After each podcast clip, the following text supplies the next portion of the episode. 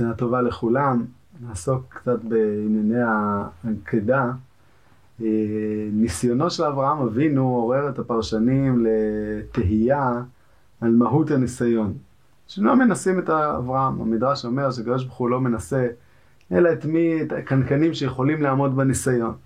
ובאמת הקדוש ברוך הוא לא זקוק לניסיון הזה, הקדוש ברוך הוא מכיר את היכולות של אברהם, יודע במה הוא יכול לעמוד ולא יכול לעמוד, מבלי להיכנס לשאלת הבחירה והידיעה, אה, מה הניסיון של העקדה תורם לאברהם או תורם לנו.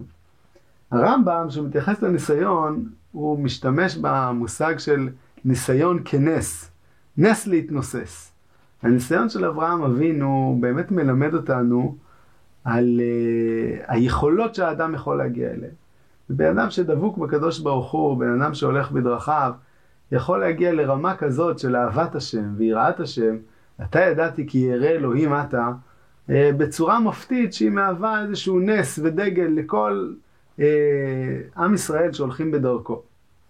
דבר שנחתם לנו כחלק מהזיכרון הגנטי של עם ישראל. הרמב"ן הולך בכיוון אחר, ולדעתו מטרת הניסיון היא להוציא את היכולות של האדם מהכוח אל הפועל. הניסיון לא נעשה בשביל לראות אם בן אדם יכול לעמוד בניסיון, יצליח או לא יצליח לעשות את זה, הקדוש ברוך הוא לא זקוק לזה. מטרת הניסיון היא לגרום לאדם בעצמו להוציא את היכולות שלו מבפנים החוצה. ולא דומה, אומר הרמב"ן, בן אדם שיש לו פוטנציאל מסוים להצליח בדבר מסוים, לעומת כאשר בן אדם באמת עושה אותו בפועל, הדבר הזה בונה בו קומה אחרת. האפשרות שלנו ללמוד ולעשות ולגמול חסדים ולהקים גרעינים ולהצליח בצבא ובעבודה ובכל דבר שאנחנו פונים אליו, היא באמת גלומה בנו. אבל עד שאנחנו לא עוברים את המסע הזה על כל הקשיים שבו, על כל הדבר שהוא חורט בנפש, אנחנו לא באמת קונים את הקומה הזאת לגמרי. ואברהם אבינו הגיע לפסגה הזאת בגילום הפוטנציאל ש, שמצוי בו. כיוון אחר אה, הולך השפת אמת. השפת אמת טוען שהמושג ניסיון נגזר מלשון, מלשון נס. הוא אה, מצטט את המשנה באבות, שמביאה רשימה של עשרה ניסיונות שעבר אה, אברהם אבינו, ומביאה גם באותה נשימה את עשר, עשר, עשר ניסים שהיו לעם ישראל במצרים, עשר מכות. גם היו ל, ל, על מצרים ב, ביציאת מצרים. ואומר השפת אמת שהניסיון והנס חד הם. עד כדי כך שהוא כותב שעם ישראל הוא עם שלא יכול לחיות בלי ניסים. המשפט הוא לעשות להם ניסים. כך אומר השפת אמת על uh, הניס, מה הניסיון נותן לעם ישראל. ברגע שאברהם אבינו עבר את הניסיון, זכו עם ישראל לחיות uh, אצל הקדוש ברוך הוא תחת הנהגת של ניסים, כי בני, ישראל לא יכולים להתקיים בלא נס. משפט מאוד תמוה. האם העובדה שהשורש של ניסיון ושל נס קצת דומה, מה, מה הקשר בין ניסיון לבין נס? למה השפת אמת קושר ביניהם? נראה שבעומק יש פה קשר מאוד מאוד עמוק. זה לא רק שאברהם אבינו בזכות שעשה איזשהו מעשה הירואי, אז אנחנו זוכים לקבל פרס ולהיות תחת הנהגת ניסים של הקדוש ברוך הוא.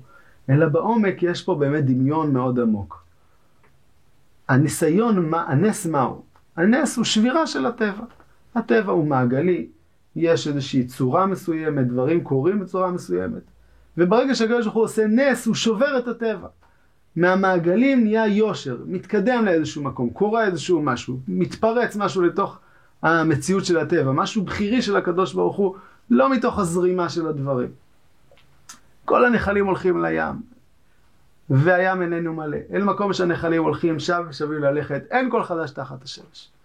אבל אומר הרב קוק, אין כל חדש תחת השמש, אבל מעל השמש אין כל ישן.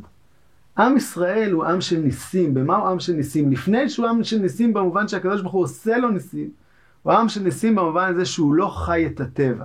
הוא חי את הבחירה שלו, הוא חי את הרצון שלו. עם ישראל שובר את הטבע בזה שהוא מחליט לעשות את הדברים, גם שהם לא נראים הדברים המתבקשים. בוודאי אברהם אבינו מגיע פה לאיזשהו שיא של דבר שאף אדם לא יכול לדמיין לעצמו, לרצות, להצליח ל- ל- לעשות את רצון השם בדבר כל כך אה, אה, קשה ו, ומופלא. ואומר השפת אמת, הניסיון הזה שאברהם אבינו אה, עבר, הוא קבע בתכונה של עם ישראל, במורשת של עם ישראל, הוא קבע את האפשרות להתגבר על הטבע.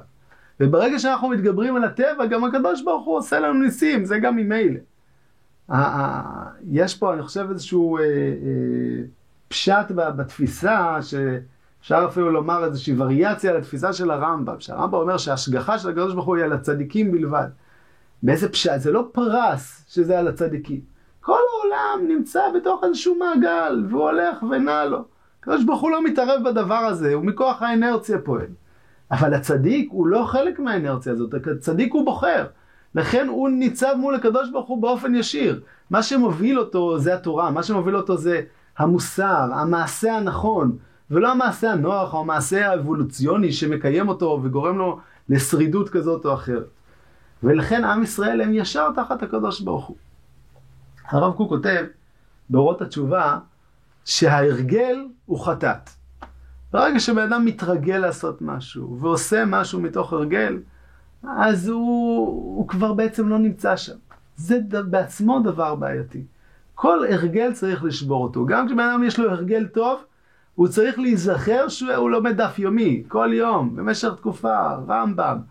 נפלא מאוד, עדיף הרגלים טובים על הרגלים רעים בוודאי. אבל גם את ההרגל הוא צריך לבחור. הוא צריך לדעת שהוא עושה את זה, ומדי פעם לשאול את עצמך.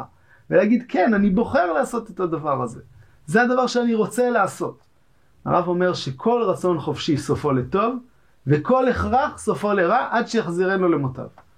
כשלוקחים ילד ואומרים לו, תקשיב, זה מה שאתה עושה, כי ככה צריך לעשות, ופה אתה צריך ללמוד, וכך צריך להיות, כל הכרח סופו לרע. הדבר הזה לא יוכל, לא יוכל להצמיח, אם אתה לא מצליח לפגוש את הילד, להביא את זה לרצון שלו, להביא אותו לבחור בדברים הטובים, להביא אותו לשמוח בעשיית מצוות. אולי זה לא בשלב הראשון, אבל כאיזושהי מטרה. שבן אדם יעשה את הדברים האלה מתוך רצון ומתוך בחירה, סופו לרע, אומר הרב קוק, עד שיחזירנו למוטב. המטרה בסוף היא תמיד שבן אדם יחזור ויעשה את הדברים האלה מתוך בחירה. וזה מה שאברהם אבינו לימד אותנו. הוא לימד אותנו לבחור, הוא לימד אותנו לעשות ניסים לעצמנו. אברהם אבינו עשה את הניסיון, והדבר הזה בעצמו הוא נס שבן אדם מצליח לעשות דבר כזה. וכולנו הולכים בעקבותיו ובוחרים את הדרך שלנו להוביל את חיינו על פי אה, ערכי התורה והמצוות, ולא להיגרר עם החיים אה, לפה או לשם. אנחנו עומדים בפני ראש השנה, וראש השנה אנחנו מזכירים לקדוש ברוך הוא מעשה אבות, ואנחנו מזכירים גם לעצמנו את הסימן לבנים. אנחנו רוצים להיות מהבוחרים, אנחנו רוצים להיות אנשים שעושים ניסים. בעזרת השם הקדוש ברוך הוא יעשה לנו ניסים גדולים, אבל עוד קודם הניסים האלה אנחנו צריכים לעשות את הנס הזה בחיים שלנו, לבחור בדברים, על אף שהם לא הדבר המתבקש, על אף שהם לא הדבר הפשוט ואולי הזורם הטבעי שהיינו אמורים לבחור בו, לבחור בדברים שבקדושה, לבחור בדברים שבפנימיות, לבחור בדברים שהם ערכיים. זה הנס, הניסים הקטנים של החיים שלנו.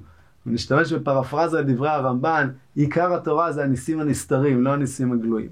הבחירות שלנו, הקטנות, ללכת ולעשות את הדברים מתוך רצוננו, זה עיקר חיינו. בעזרת השם, אנחנו גם נראה ניסים גדולים בעקבות זה. אמר לי פעם מישהו, רצה לברך אותי, אמר לי, יהי רצון. אמרת שיישאר ככה, יהי רצון, שיהיה רצון, בעזרת השם, נזכה כולנו לרצון, ושיהיה רצון גם לפני הקדוש ברוך הוא, שנחתם כולנו, תלמידי הישיבה, בוגרי הישיבה, ידידי הישיבה, כל משפחותיהם, וכל עם ישראל, בעזרת השם לשנה טובה ומבורכת.